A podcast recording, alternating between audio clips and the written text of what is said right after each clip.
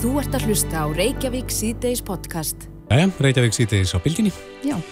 Eh, Við fréttum af stórsniðugu námskeiði fyrir réttugunda. Mm Það sem að fólk getur lært inn á réttamennafræði Mhm. og það er réttalæknirinn Pétur Guðmann Guðmarsson, réttalæknir sem að eh, stendur fyrir þessu námskeiði. Já, eh, hann er á lífinu skismur. Pétur, góðan og blessan daginn. Já, góðan daginn. Þetta námskið, eh, ég rak fyrst augun í vaksa neglur eftir dauðan.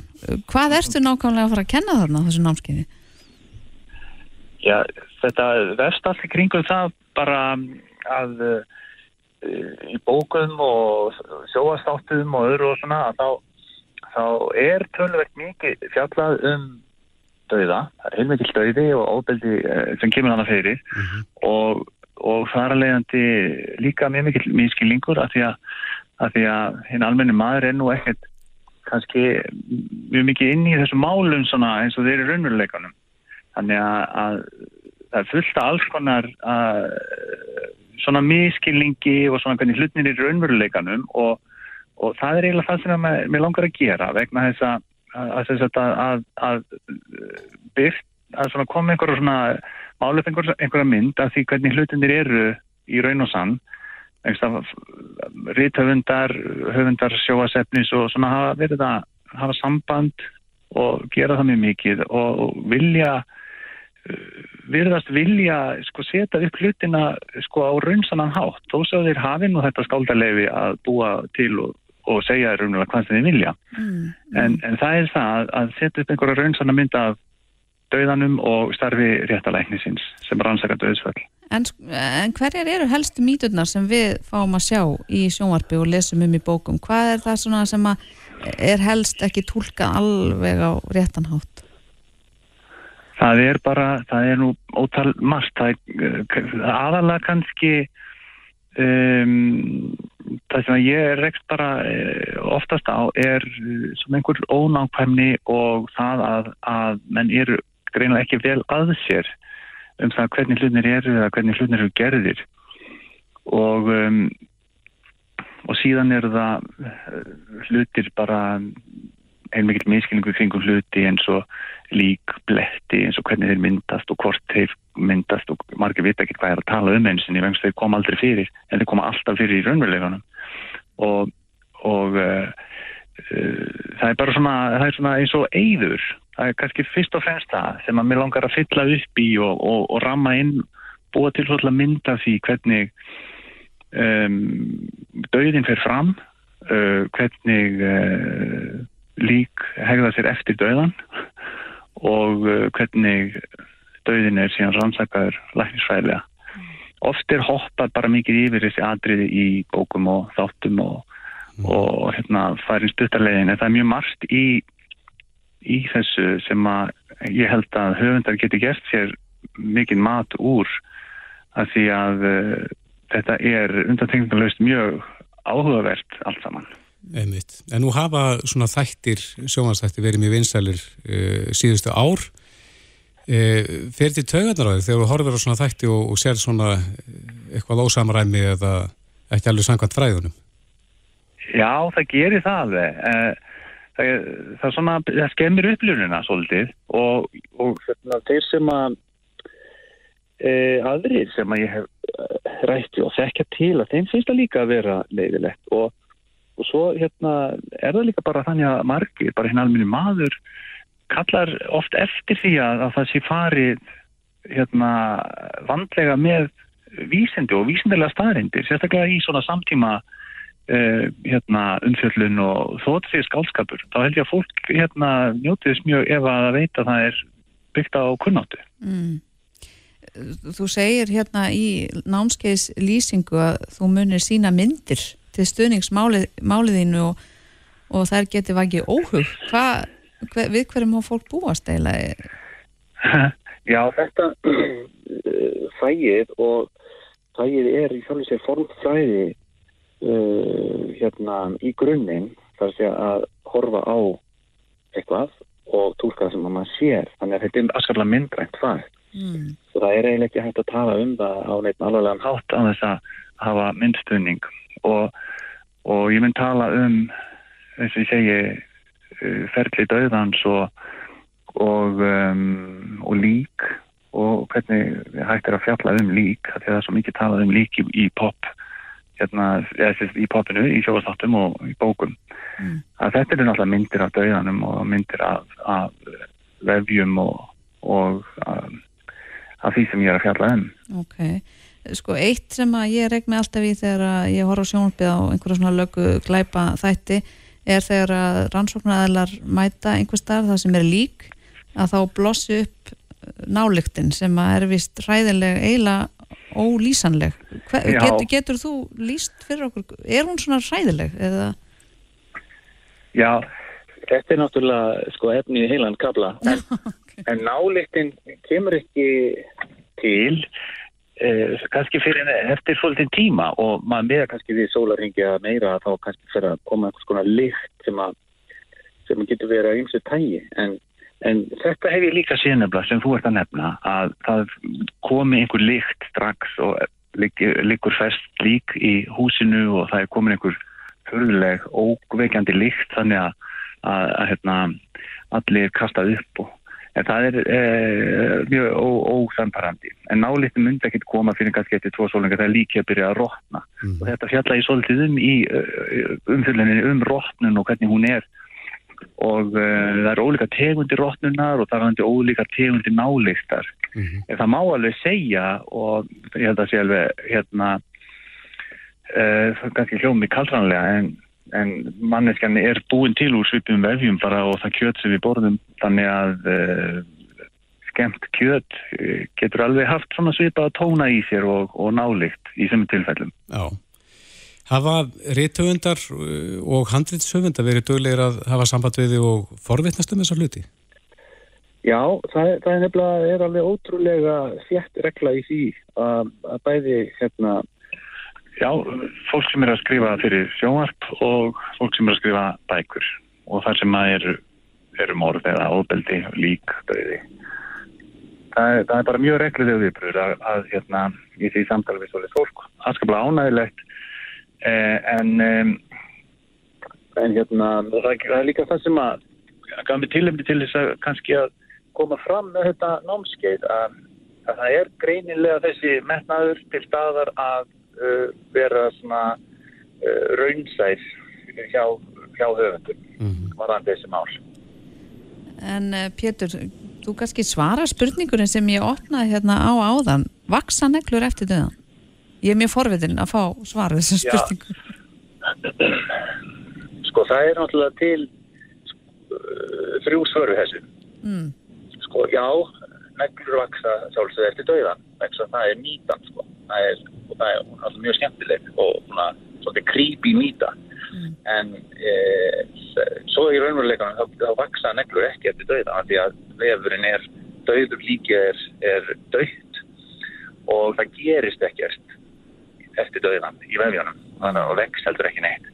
Mm. en svo er líka kannski þrýðarsvæði sem er þá kannski svona ef maður vil flækja hlutina eins og þessu ofta gaman að gera bæði réttarækningsfræði og ef maður að skrifa bók að það er það að allir vefinni degja ekki samtímis.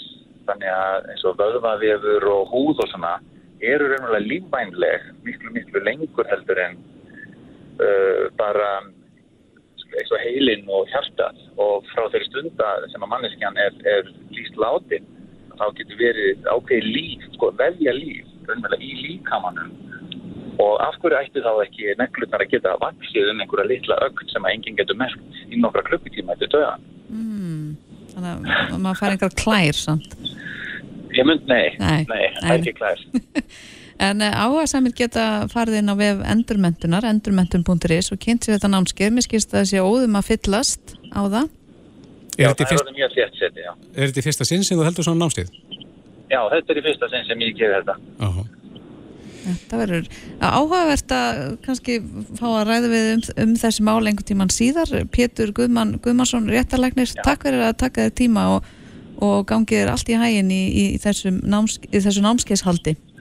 Já, þakka ykkur mjög vel fyrir. Þú ert að hlusta á Reykjavík C-Days podcast. Reykjavík C-Days, hér höldum við áfram á þessum uh, þókufylgdamándi. Mm -hmm. Og helgin var ágætt, er það ekki? Jú, jú, sólrík og fín, svona við að skvar held ég. Já, en uh, það er nú eitthvað annað að segja um fréttir sem berast frá Afganistan, stöðinu þar. Já, það er þungt yfir þar og, og talibanar hafa náð valdi á landinu án mikillar mótspilnum, má segja. Já, og það er kannski erfitt fyrir einhverja hér á landi sem er að kera núna heim, heim til sín úr vinnu að setja sér spór fólk sem þar býr. Mm -hmm. En uh, á línunni er Una Sigvardsdóttir, fyrirvændi starfsmæður upplýsingaskristofu höfustöða NATO í Kabul. Þar starfaði hún á árunum 2016 til átján. Uh, Kontur hún sæl og blessuð, Una? Komið sæl. Já, hvað segir maður við þá sem er að kera núna heim og skilja ekki nákvæmlega hvað er í gangi í Afganistan? Getur þú sagt okkur frá því hver staðan er? Það er eh, svolítið erfitt að vita hvað maður á að byrja sko.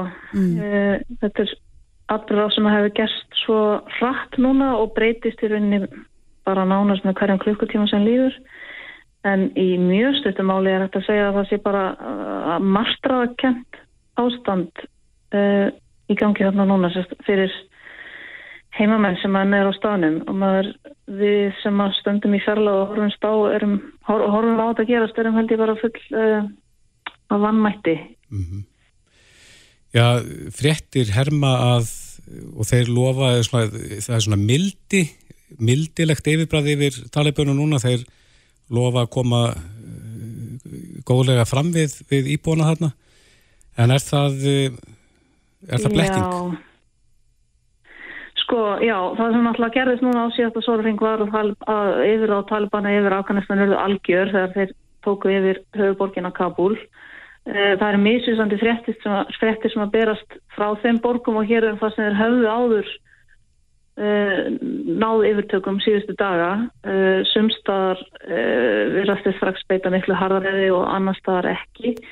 Ég held að þeirra skilgrinningu að sína það hvað er mildileg stjórn sé svolítið önnur heldur en okkar.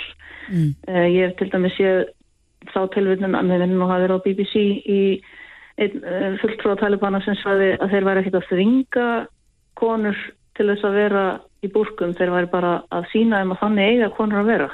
Mm. Já. Ég skil. Uh, er það ekki rétt hjá mér að Angela Merkel í hann og að því að bandarækjamenn væri þarna með blóð á sínum höndum? Uh, einhverstað svo ég veitnaði hana að jú, að hún kendi innaríkis pólitík í bandaríkjum með þessa stöðu, ég held nú að þetta sé flóknara en það, það er hægt að rekja ef maður spyr sér hvað fór úrskefis í Afganistan að þá er líka spurning hvað viljum við fara langt aftur sko í þá sögu því að þetta er náttúrulega löng og mjög flókin hörmungarsaga mm.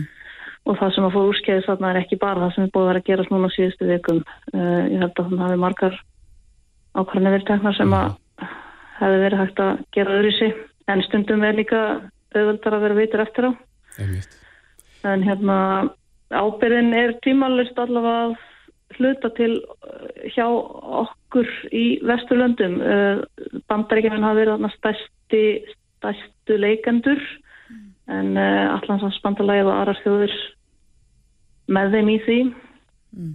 og við getum ekki alveg uh, litið undan því sko, sem að, að við berum að hluta til ábyrða ástandinu Einmitt. En hverju mega íbúðarnir búast við? Hvað tekur við núna?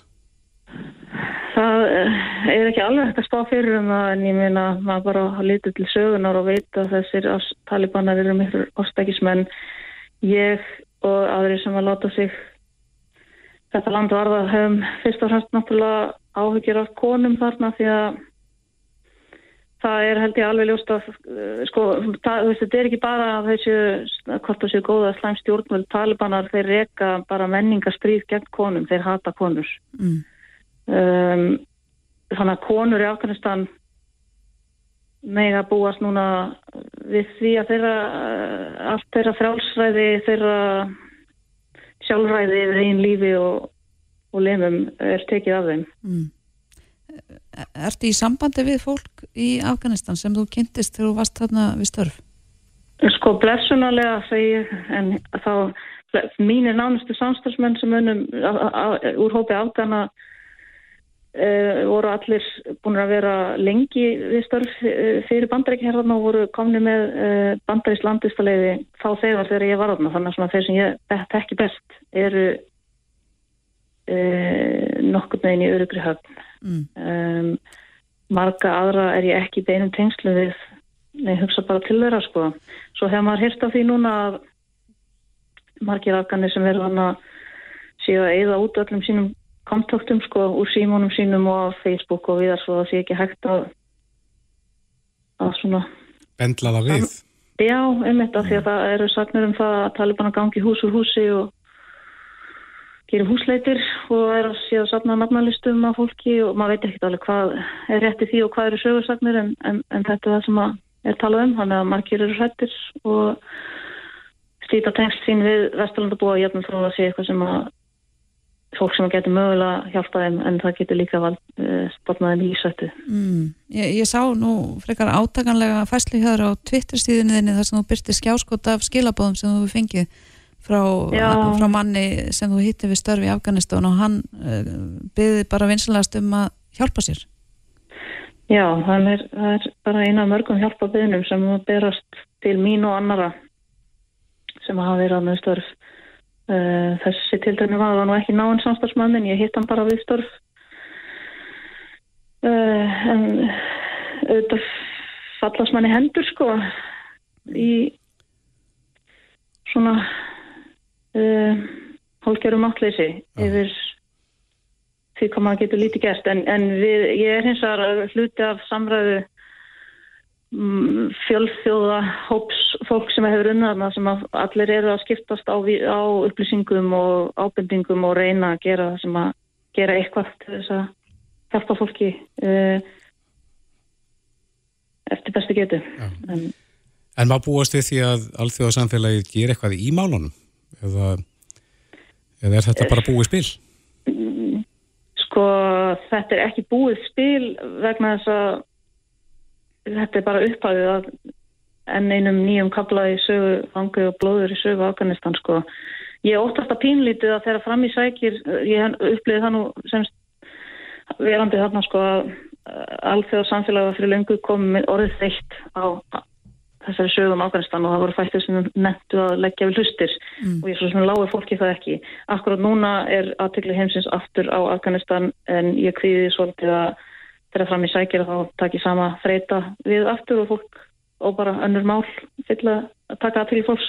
Mm. fólk mun hægt að hugsa um ákvæmstan óttast ég en, en eins og er við að verða að reyna að leita leiða sko til þess að það náttúrulega verið að búa að útvíka svona vísaprógrum í mörgum löndum. Kanada hefur til dæmis veldi fyrirmynda núna ég reyna að taka máti fleiri fólki og vonandi verður sem flestum bjargað sem að við verðum komið en það verður aldrei öllum.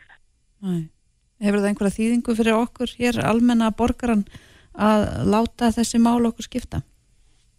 Já, ég held að ég held að Íslandika get ekki frekar með aðri láta eins og við hefum ekki tengsl við heiminn og það sem að gerist í heiminn með kringum okkur varði okkur ekki. Mm. Ég get ekki spáð nákvæmlega fyrir um hvaða dómin og áhrif fall Afganistans hefur á umheiminn en það er svona flókin geopolítik í gangi þarna sem er mjög líklegt til þess að ná út fyrir landamæri Afganistan eða framsækir. Já, átt ekki vona því að það veri gripið til hernaðar gegn talibönum úr þessu? Nei, já, nú ekki vona því sko, bandarækjumenn hafa ekki gefið það til kynna og á móti NATO hefur ekki við sko verið í hernaði þarna síðan á 2014 Uh, NATO höfður síð, síðust óra þegar ég var að ná NATO einungis í ráðgjafar hlutverki mm. uh, og er ekki að fara að byrja um, myndi ég halda neinum hernaðar að gera núna og bandar ekki halda þessi höndum þannig að ég sé það ekki gerast ekki nefnum einhverju önnur uh, stórveldi stíðin en hérna ég get ekki sagt til um það Já, við allavega höldum áfram að fylgjast með þessum eh, málum. Ég vona þér, þér nái að líða bæ, bærilega næstu daga. Una Sigvarstóttir, ég veit að þetta hefur mikil áhrif á þig, þessar fréttir. Já, takk fyrir það. Ég vil ná ekki setja sjálfans í eitthvað aðalhutverk í svona heldarleik, en vissilega hefur þetta mjög mikil áhrif á held í okkur öll sem að reyndi mig góðri trú. Mm -hmm. að vinna á hafa Afganistan. Einmitt. Takk helga fyrir að gefa þið tíma til þess að spjalla við okkur um ástandi þarna í Afganistan. Takk sem leiðis fyrir að láta okkur að varða. Þetta er Reykjavík C-Days podcast.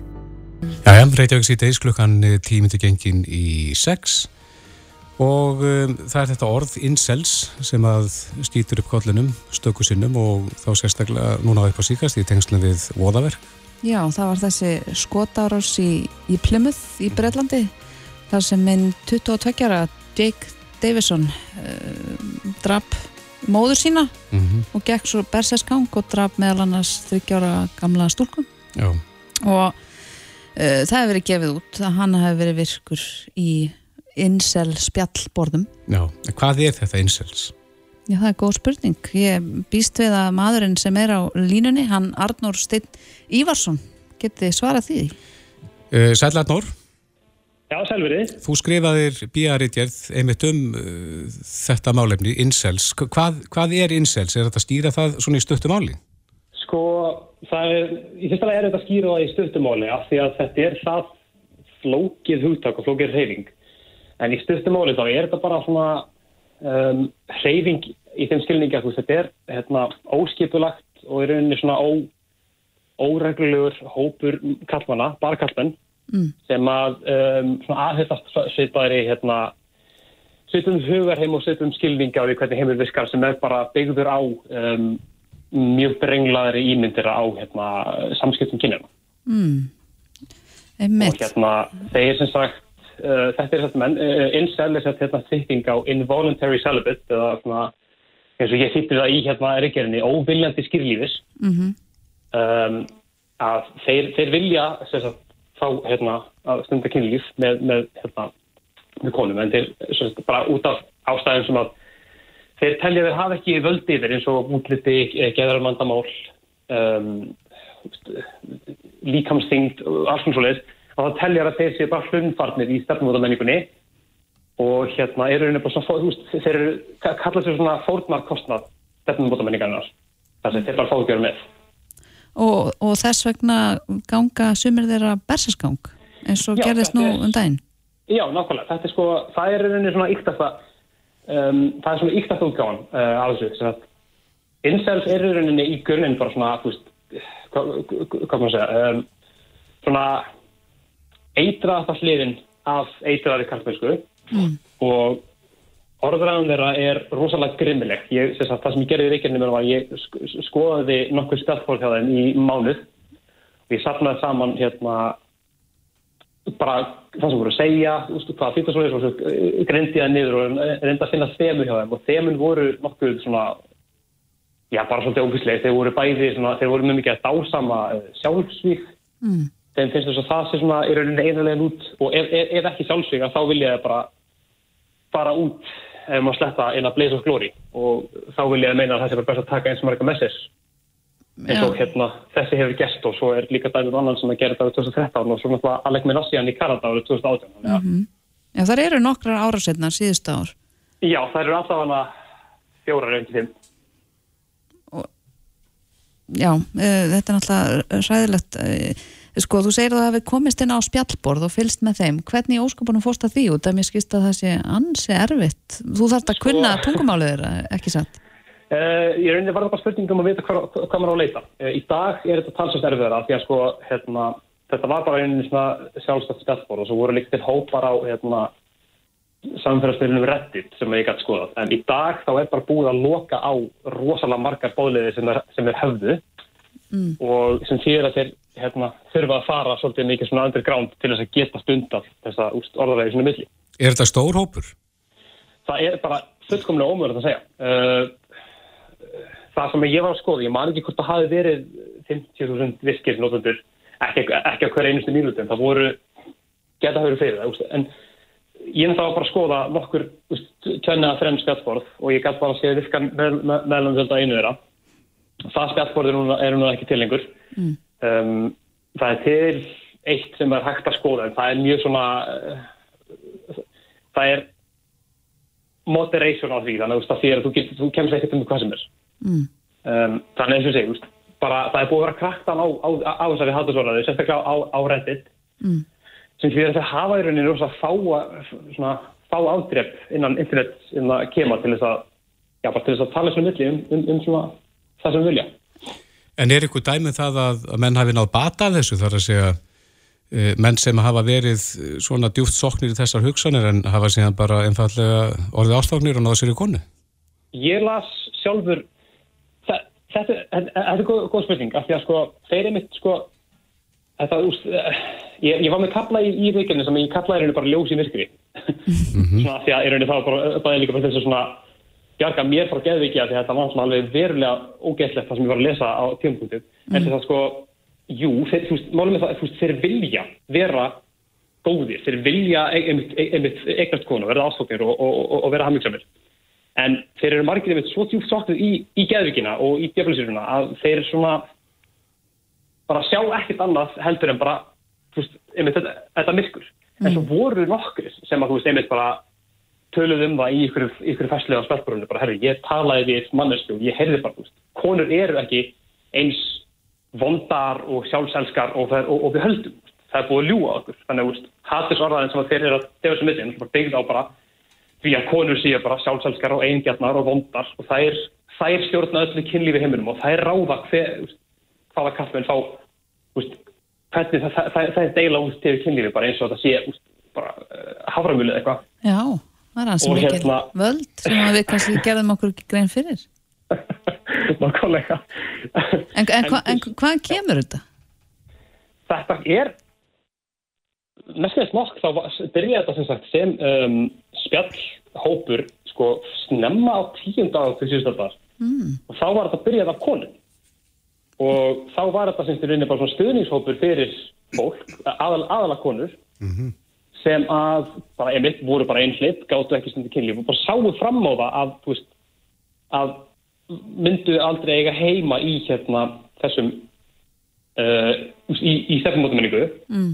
og það sem hefur svo gæst, eitthvað sem ég hef ekki persónulega skoðan úr en eitthvað sem hefur gæst líkast er að einhverju svona öfgakendir um, kemar nördamenningar og þá er það að tala um uh, menn sem hafa alist upp á um, bara í rauninni bara á, á, á klámbæðingu hægt og rólega uh, komist mjög snemma í tæri við svona á, ágætlega öfgakenda internetumræðu og það er bara tengt af í bíð hugsa þegar ég, ég til hér í þessu samfélagi og ég uh, mun líkvæmst aldrei fara á stefnumóta ég mun líkvæmst aldrei uh, hérna, verða afsvengin af konu það, það mun líkvæmst aldrei verða konu afsvengin af mér.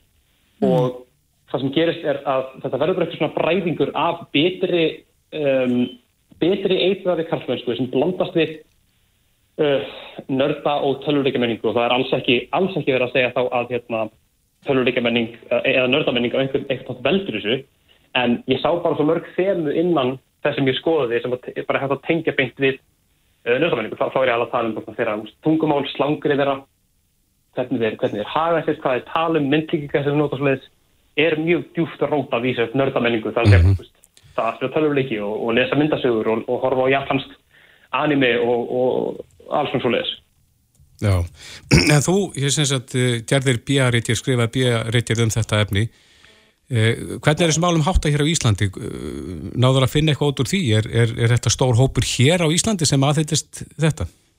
Sko, það er alveg 100%. Um, einhverjir, sko, það sem gleymist líka er sko þetta eru að mjög mjög leiti bara ungir, bara, bara ungmenni Mm. Uh, þannig að veist, það er alveg 100% einhverjir úlingar eða ungmenni 15, 16, 17, 18 til 35 ára sem hugsa nákvæmlega eins og eins og hérna þessi insels út út í heimi og eru alveg póntið virkir í þessum hérna stöðstöfum og alveg bara það er ómögulegt að finna þá nefnum að spyrji og þeir eru rosalega ekki til í að tala því uh, utan að komandi. Ég lærði það hardt og eins sem það segir. okay. þeir, þeir, þeir hafa engan áhuga að tala við, tala við aðra. Þeir, sko, þeir eru bara vilja ekki, þeir vilja ekki útskýra hvaðan þeir eru að koma, mjög sjaldan að koma mm. en um, eins og segi úst, ég, úst, ég kan ekki staðfest personlega að það væri einhver, einhverjir hópar hérna eins og segi, það er bara, það er allar líkur á því þetta eru það bara heim ég var að sjá fæslu frá strákum hérna, frá Bandaríkunum, frá Breitlandi frá, frá Evrópu, frá Suður Ameriku Þetta er allstaðar Þetta er allstaðar, þannig að það er alveg það er bara alveg hægt að lega líkur því að þessi á Íslandi -hmm. það eru margir, hversu virkir þeir eru það er bara ómöld að segja sko. Já, því miður er þetta vantalega ekki uh, síðasta sem við heyrum um Insels en uh, Arnór Steinn Ívarsson, takk kærlega fyrir að gefa þið tíma til að fræða okkur um þessa reyfingu ef svo má segja. Já, bara takk kærlega fyrir að koma Bless, bless. Reykjavík síðdeis á Bilginni podcast. Jæja, Reykjavík síðdeis heldur áfram. Það er náttúrulega mikil umræði gangi um COVID mm -hmm. og svona mál uh, tengt því máli. Já. En uh, ég sé hér í frétt inni á VF Ríkisútarsins að, uh, og það er vitnaði Þóról Guðnarsson sem að heldur við fram að, að vinnustæði geti skilda fólk til þess að fara í bólusetningu. Mm. Og nú er sérstaklega að tala um kennara til dæmis, Já. eða starfsfólk skóla. Mm, áhugavert. Já, en á línunni er Lára Vaff Júliusdóttir, hæstirættalögmaður og sérfræðingur í vinnurétti, kom til sæl. Já, komið blessu. Já, hversu langt meiga vinnuveitindu ganga í kröfum til starfsmanna sína ef við byrjum bara bólusetningum? Já, eh, varðandi bólusetningar að þá er það eh, svona ákveðið ingripp í líkama starfsmanna og, og að mínu mati þá þarf uh, mjög sterk rauk til þess að, að uh, skilda einstaklinga að undirgangast uh, slíka skerðing á persónuplessu skulum við segja. Og að mínu mati þá dýr ekki einungis skipun eða, eða fyrirmæli yfirmanns eða atfinnureganda það þurfi eitthvað meira til að koma til að, að hægt sé að skilda einstakling til að undirgangast eh, bólusetningu. Hins vegar að þá má líta máli frá því sjónarhaldni hvort atfinnureikandi um, geti óskað eftir því að, að, að starfsmenn hafi farið í bólusetningu áður þeir finna einhverju tiltaknum verkum og ef þeir hafna því þá getur atvinnureikandi þess vegna sagt þessum starfsmönnum upp eða, eða, eða sendt á heim eða, eða uh, hann getur ekki notað á og, og, og bara samkvæmt íslenskum uh, vinnurétti þá hefur atvinnureikandi mjög uh, svona frjálsarhendur eða viðtækar heimildi til að segja starfsfólki upp og, og hann myndi þá ekki ráða annað fólki vinnu en, en þá sem að, að hafa undirgengist bólusetningar. En þú segir að það þurfi sterk rauk hvaða vinnustæði getur verið í þessari sterku stöðu að geta stildað fólk í bólusetningu? Sko, það var hér í gamla daga að, og, og er svo sem ennþá, það eru gerðar uh, eh, hvaðir eða, eða kröfur til, til starfsmanna eins og já, kennara og, og þeirra sem umgangast ungt fólk og í gamla daga þegar berklar voru Eh, svona almennir að þá var það eitt af því sem gerði að krafa til að, að, að kennarar undirgengjust verklapróf og, og slíkt og, og það er uh, uh, það, það, það eru til uh, náttúrulega slíkir sjúdómar og, slíkar aðstæður sem að, sem að knýja á um að, að fólk hafi undirgengjast einhvers konar ja, bólusetningar eða, eða eftirlit til að geta sitt þeim störfum. En það verður ekki gert sko gert vilja einstaklingana. Það verður ekki, þetta verður ekki knúið fram gagvart starfsfólki. Starfsfólk þarf ekki að undirgangast eitthvað sem það ekki kæri svum, ekki frekar heldur en það að það er ekki hægt að neyða starfsfólk til að vinna einhver störf sem að það ekki vil. En þú segir að það er hægt að svifta fólk starfinu ef að, ef að það neytar er það ekki? Það er hægt að segja fólki upp starfi ef að það, ef að það neytar. Jú, jú. Þannig þá er kannski, er þá er starfsfólk komið erfiða stöðu, annarkvort ferði bólusetningu og heldur vinnunni eða, eða missi vinnuna. Já, sko, maður verður að gera ráð fyrir því að, að það séu þá að það er aðstæður uppi að, atvinnureikandi telli sig ja, knúin til að, að grýpa til slíkra rástafana eh, en, en eins og ég segi og vísa aftur til regluna hér á landi þá á almennum vinnumarkaði þá þurfa atvinnureikandur ekki að færa neinn sterk rauk fyrir því að segja starfsmannu upp sem þið vilja ekki hafa í vinnu. Mm. Það er, það er náttúrulega í, í ofinbæra geiranum eða hjá ofinbæru starfsmönnum en á almennu markaði þá, þá gilda eh, sko mjög í rauninni rúmar reglur eða, eða rúmur réttur atvinnureikanda til að segja starfsmanni. Mm -hmm. uh, ef við vikum þetta eins út, nú hefur í gegnum tíðina stundum verið talað um uh, fíknefnapróf og, og að livja prófa starfsmenn á það sama við þar að á vinnuveitandi stýra, stýra kröfu á að að livja prófa starfsmenn sína?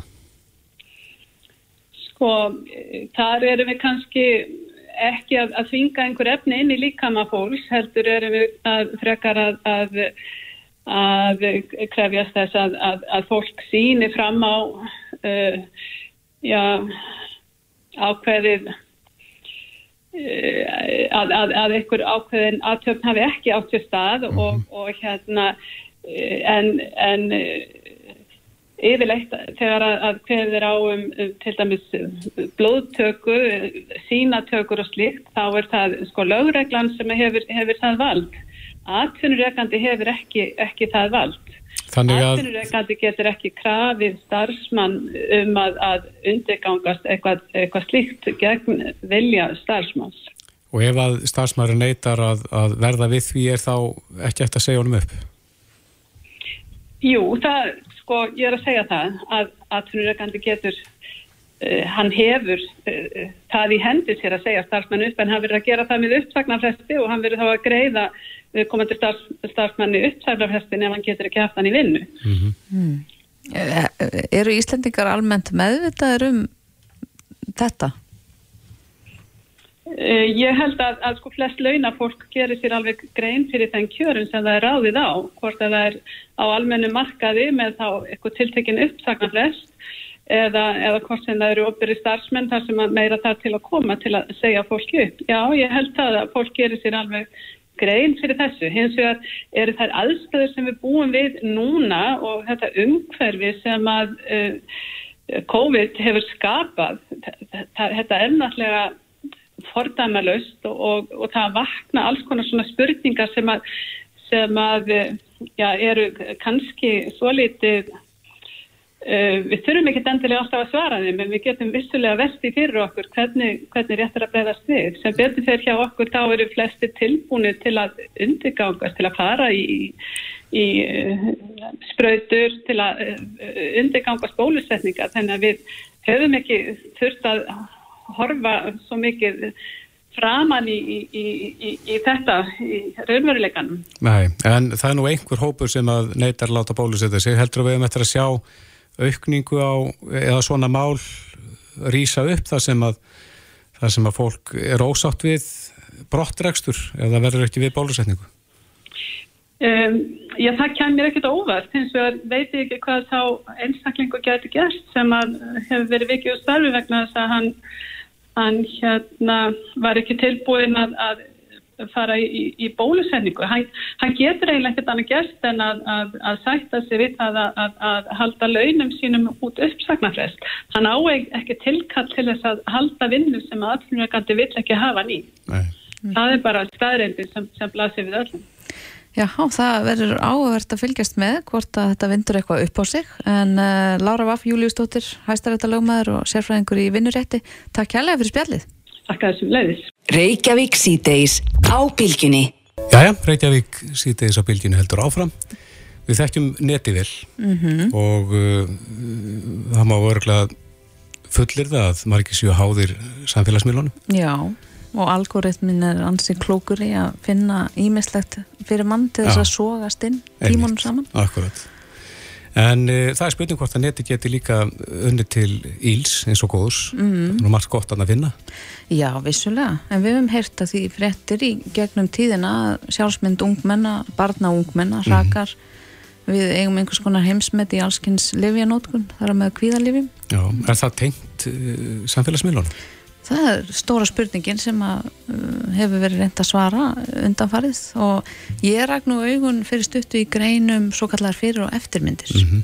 þar sem að fólk uh, breytir um lífstíl og byrtir sagt, myndir fyrir og eftir lífstílsbreytingun og oft er þetta eh, myndir sem sína einhvers konar þingdartap eða vöðvaaukningu eða eitthvað slíkt mm, einmitt. og ég las þess að grein það í erlendu tímarætti um að já, svoleiðis byrtingar getur verið skalegar Já, já, fyrir þá aðra sem sjá Já, þannig að uh, við erum komið hér á línuna hana Aldísi Efi Freyðiksdóttur sálfræðing, uh, kontun og sæl blessuð Sæl. Er þetta, er þetta rétt? Geta byrtingar slíkra fyrir og eftirmynda haft skadaleg áhrif?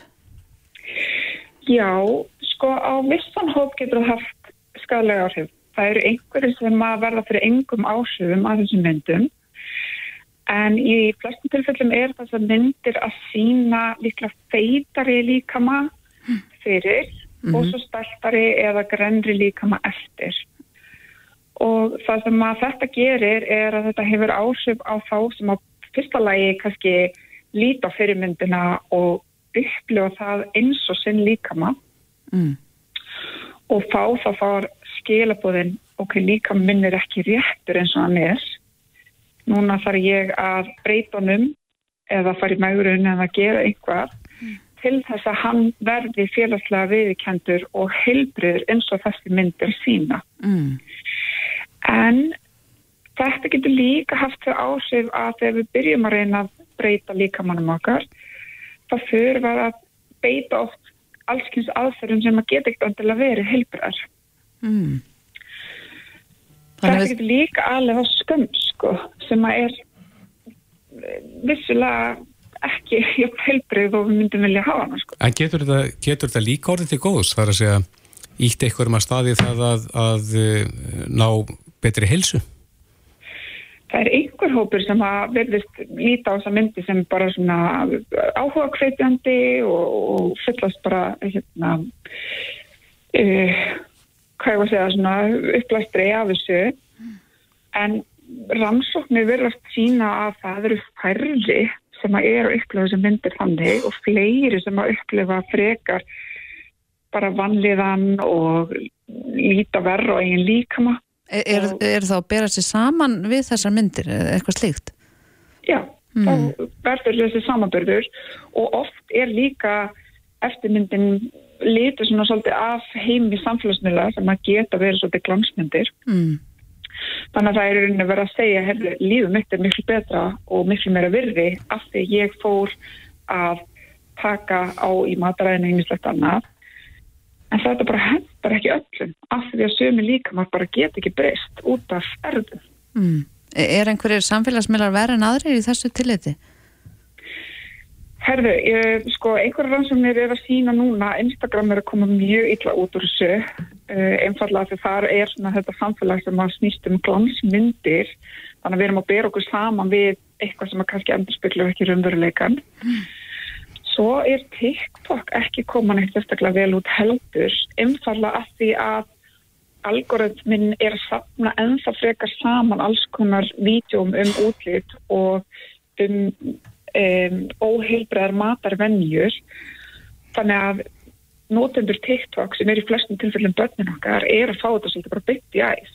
Skiptir það máli hversu gamalt, gamall áhörfandin er þegar hann fær þessi stílabóð? Það getur gert það því að börn og ólingar eru ekki með jafn mikla rauk hugsun og geta ekki greint á milli, við kallum þetta svona samfélagslæsi, mm. samfélagsmiðla læsi að kunna að greina á milli hvað er endurspekla raunveruleikan og hvað ekki. Þannig að í mörgum tilfellin er þetta að hafa mjög slæm áhrif á börn og ólinga en það var nýleg rannsók eða, eða nýleg frá 2015 sem að var í Ástralíðu sem sínda konur eru upplöpa mjög neikvæðan hátt. Mm. Hva, hva, hverju mælur er með fyrir, ekki, fyrir fólk sem að kannski er búið að leggja gríðarlega vinnu á sig er, er búið að, að koma sér í toppform, langar svona svolítið að monta sig að því og, og sína umheiminum, sjáu hvað ég var duglegur eða dugleg. Hva, hvað, hvað getur þetta fólk gert í staðin svona til þess að, að leita eftir viðurkenningu fyrir velunni störf? Þetta mig allir posta myndum sem að þeim langar að posta, ég menn þetta er frálst heimur og við erum algjörlega byrsta það sem við viljum byrsta Mm -hmm. en maður getur spurt sig hvaða líkama er ég að hefra og hvaða líkama er ég raunin að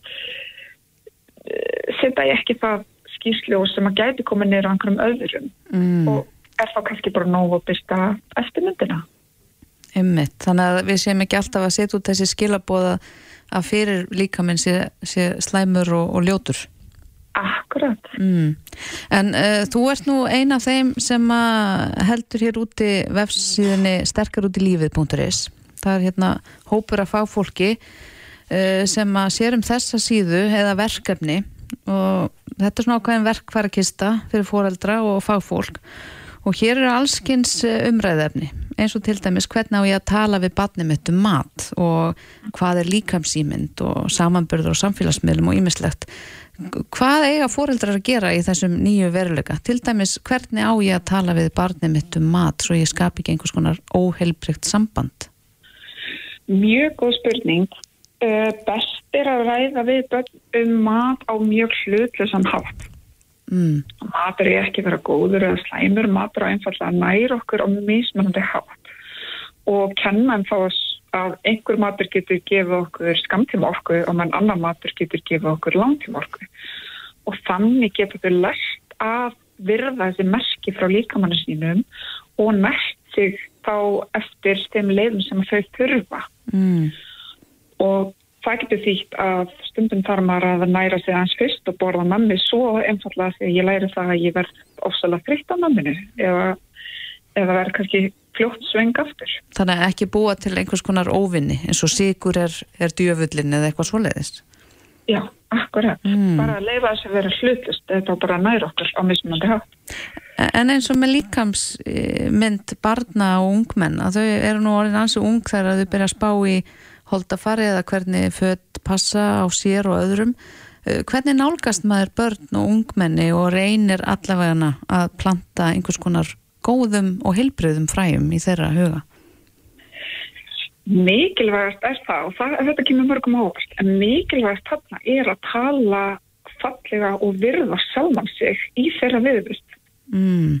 Þannig að þau læri beint af fóröldin sínum uh, líkamsu virðingu og það, það sem tala fallega um líkamann og hann sé nærður og sefður bara til þess að auka veljiðan Mm -hmm.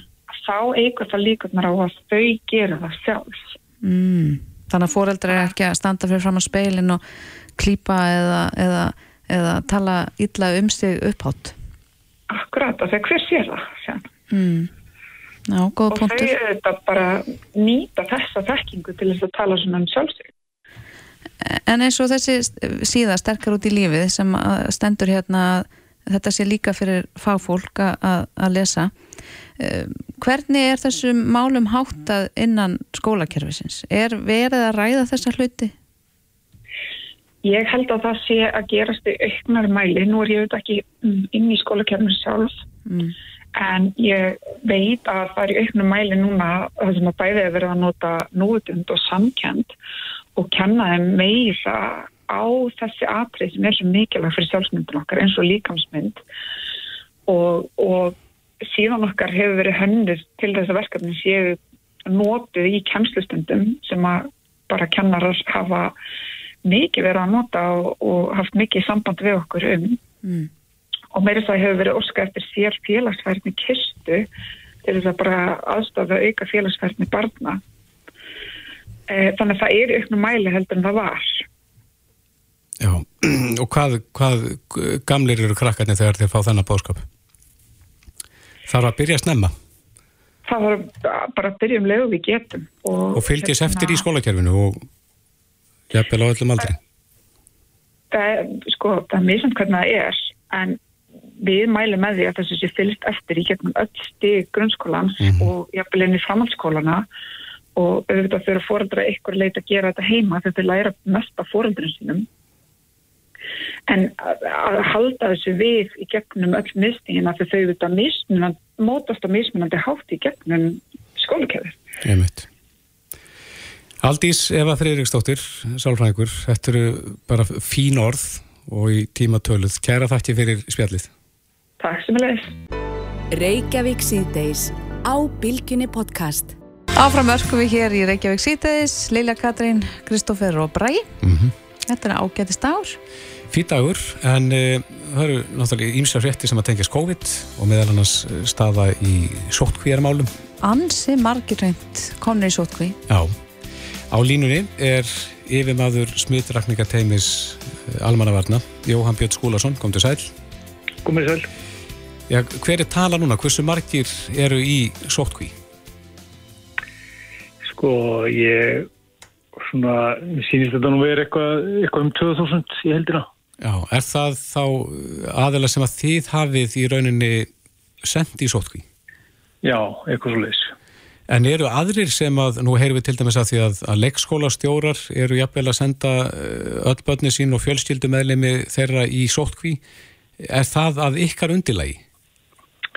Já, sko, þetta er þannig að þeirra mm, það á bæði við um fyrirtæki og, og svona stofnunir, skóla og þess að þar Mm -hmm.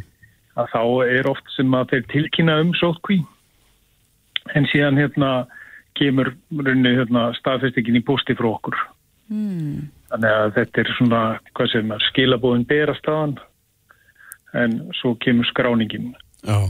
síðan Já, segjum til dæmis bara leik, leikskóli þar sem að eitt stafsmað greinist með COVID og þá er allir skólinn, kennarar og, og uh, börn sett í sóttkví.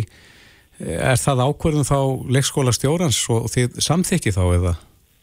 Nei, það er, það er náttúrulega ásinn náttúrulega stað samtalið með okkur og, og það er við sem leggja línunar með hvað séu nöðsilega gerir og, og hérna og síðan sendir þá leikskólastjórun okkar uh, upplýsingar um hverjir það eru sem eru þar undir. En er þá einhver möguleiki að þessi einhvers konar varúðar ástafanir, allir eru settir í sótkví og svo kannski losna einhverjir þá innan dags eftir tvo daga eða eitthvað slíkt? Er, er það endurmetið eitthvað? Já, sko, við vorum með það hérna, það var, aldrei þannig að við varum að vinna með svona úrvinnslusókví.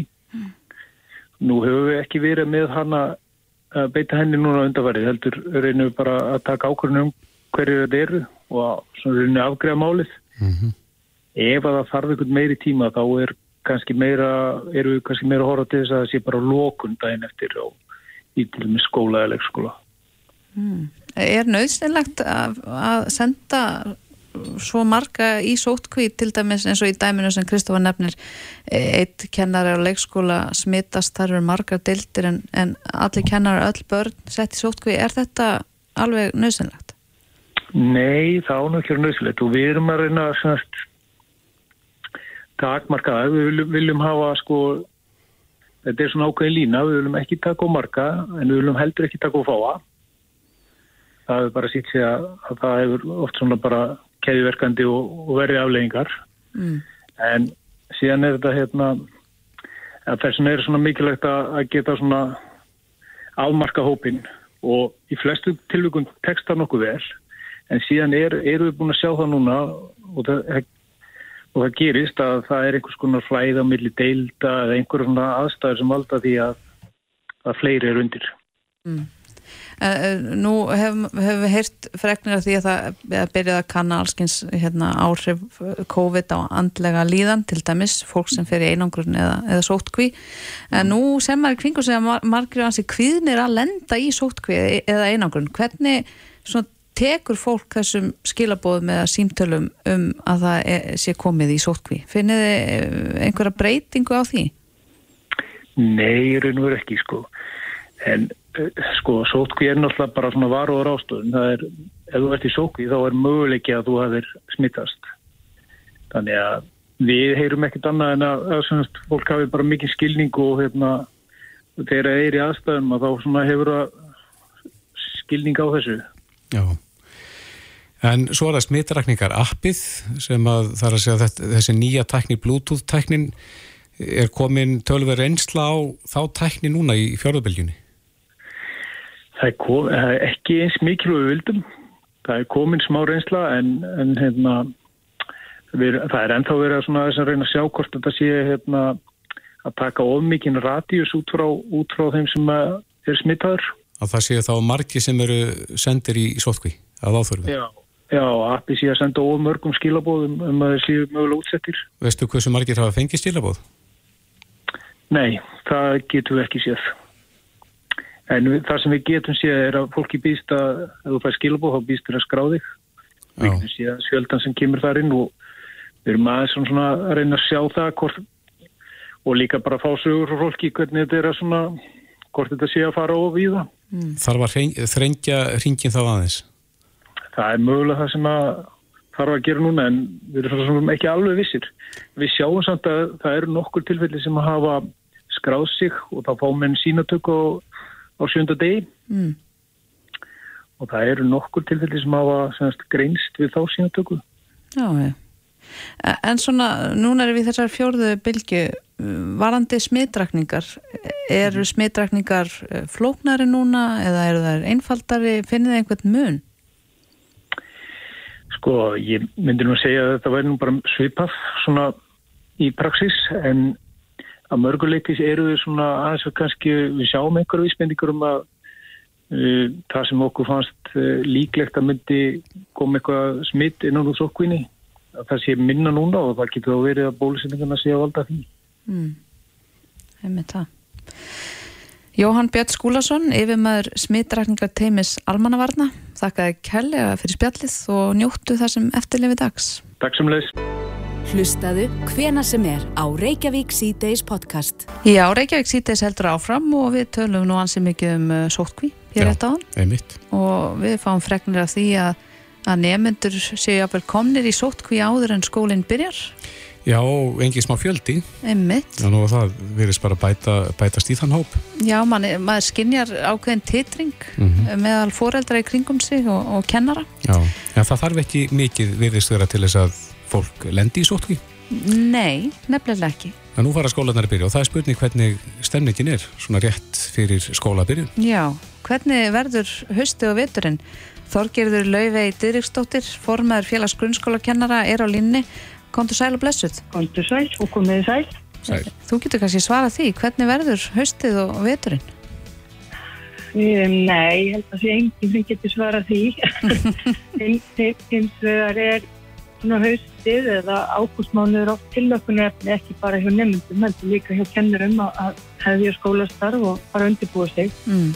Núna eru þetta alltaf svona stemming í gangi og það gefur auðvitað að leiða þessi, þessi svona stóra bylgja sem kom yfir okkur núna réttir í Vestlumannhelgi settir raunverulega allt á annan endan. Mm. Uh, fólk fór að undirbúa sig undir alls konar uh, sviðsmyndir eins og þetta kallast en ég held að svona staðin eins og hún er akkurat núna að þá er bara uh, bæði kennarar og fóreldra eins og þú nefndir mjög uh, uppgandi um framhaldið og hvernig skólahaldi skuli háttast uh, með svona mörg samfélagsmynd eins og eru. Mm -hmm. En veistu hvernig staðan er í bólusetningamálum? Hversu margir kennarar eru óbólusettir?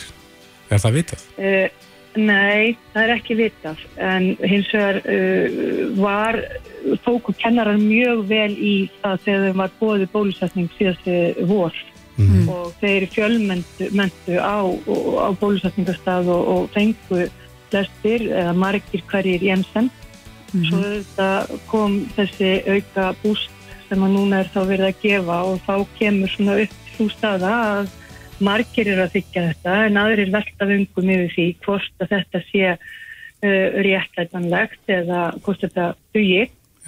Og síðan auðvitað kom upp þessi umræða um hvort þetta bólusetja nefnendur og, og, og svo náttúrulega hérna svo er búið ákveða það en það er ekki komið í gang. Þannig að staðrindin er ennúlega svo að flestir sem er í skólunum eru óbólusettir. Mm -hmm. því að vinnustæður sko, kennararnir eru bara örlítill hópur af þeim sem vinna í skólum. Það eru þetta nefnendur sem eru þar staðist í hópurinn. En nú er líka að tala um það og við heyrðum hérna meðalans í Láruða Fjúliustóttu fyrir í dag eh, krafum það að, að starfsmenn séu bólusettir og nú er þetta að vítja fólki frá störfum ef það bólusettir sér ekki. Hefur svo umræða komið upp meðal kennara? Já, ég hef ekki heilt þessa skýringu Lári Vaksnjúliðsdóttir, þetta er nú margt á henni samt sem aður. Þórólur hefur meðan sagt þetta líka. Já, Þórólur tók nefnilega mjög djúkt í áruna í morgun á, á, á fundi og sagði að það ætti að setja einhvers konar vinnið á vinnustöðum um það að hvetja eða jafnvel skilta fólk til þess að fara í bólusetningu. Mm -hmm. En þegar við erum að tala um vinnustöðins og skóla, þá erum við bara að ræðum allt annað mál. Fyrsta lagi til dæmis uh, eru yngstu börnin í nei grunnskóla ekkert að fá bólusetningu Mhm. og eins og segi, margir skólar eru allt upp í uh, þúsund, uh, þúsund manna vinnustæðir. Þannig að þó svo kennararnir sem uh, myndu bó, verða bólusettir að þá er náttúrulega stæðsti hópurinn útsettu fyrir smiti og það eru nefndur. Þannig að þið finnst ekki réttætanlegt að skilda kennara til þess að fara í bólusetningu út af nákvæmlega þessu. Bönnin eru flest óbólusett. Ég er hérna fylgjandi þeim, uh, þeim hérna fyrirmælum eða þeir, þeirri stefnu sem var tekin að hvetja fólk til þess að, að, að taka þessa ákvörðun, upplýsta ákvörðun Mm. og svo verðum við auðvitað að sjá það allt í kringum okkur að það eru auðvitað verið að þrengja mjög af uh, lífskeðum þeirra sem ekki eru bólusettir.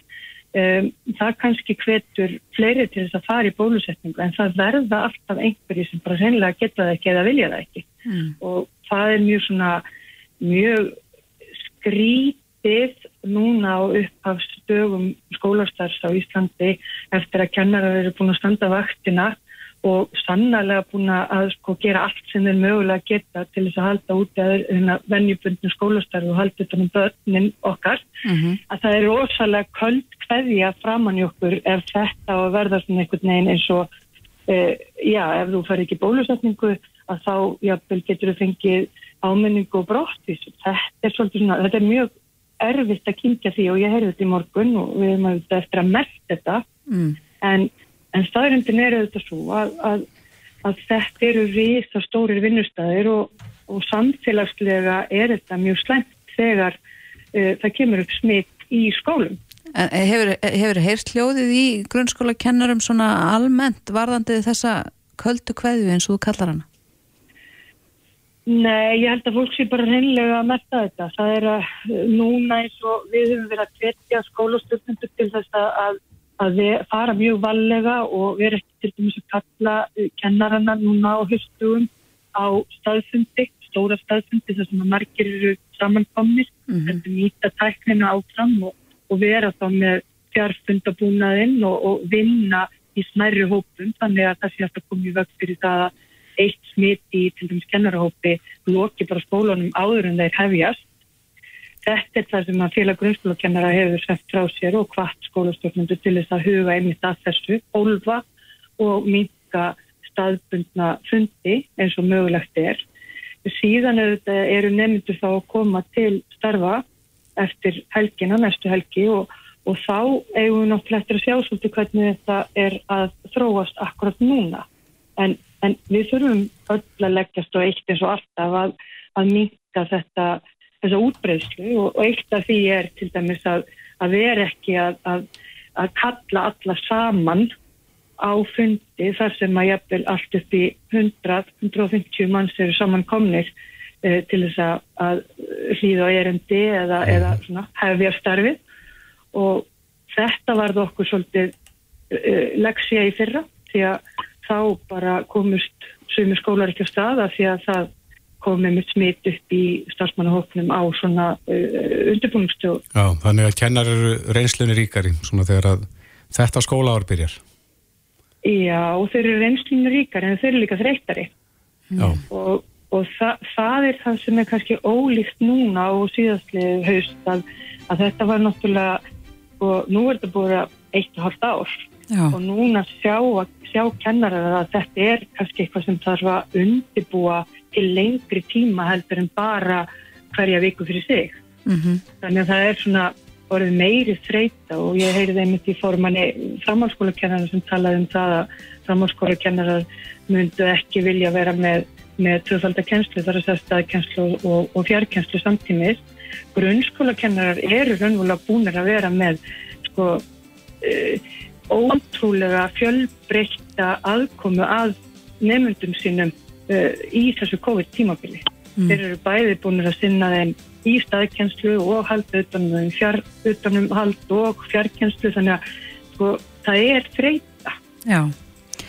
Já, við allan hér er ekki ekki sítiðis, við sendum okkar bestu heilla óskir og, og, og vonum að þetta fari nú allt ágætlega og, og fram í haust og vetur. Þorgerur Lauvi Dyrriksdóttir formaður félags grunnskólakennar Takk helga fyrir að taka síman og spjalla við okkur. Takk fyrir og bara gerum þetta saman. Já, gangiði vel. Já, blæðis Og hérna setjum við punktin aftar við, við erum að koma í mark, fréttir hér eftir skamastund, Lilja Katrin Gunnarsdóttir, Bræði Guðmundsson og Kristófur Helgason þakka fyrir sig í dag. Verðum hér áttur á ferðinu klukkan fjögur á morgun, tanga til. Hafið það dásamlegt og verið góð við. Þetta er Reykjavík C-Days podcast.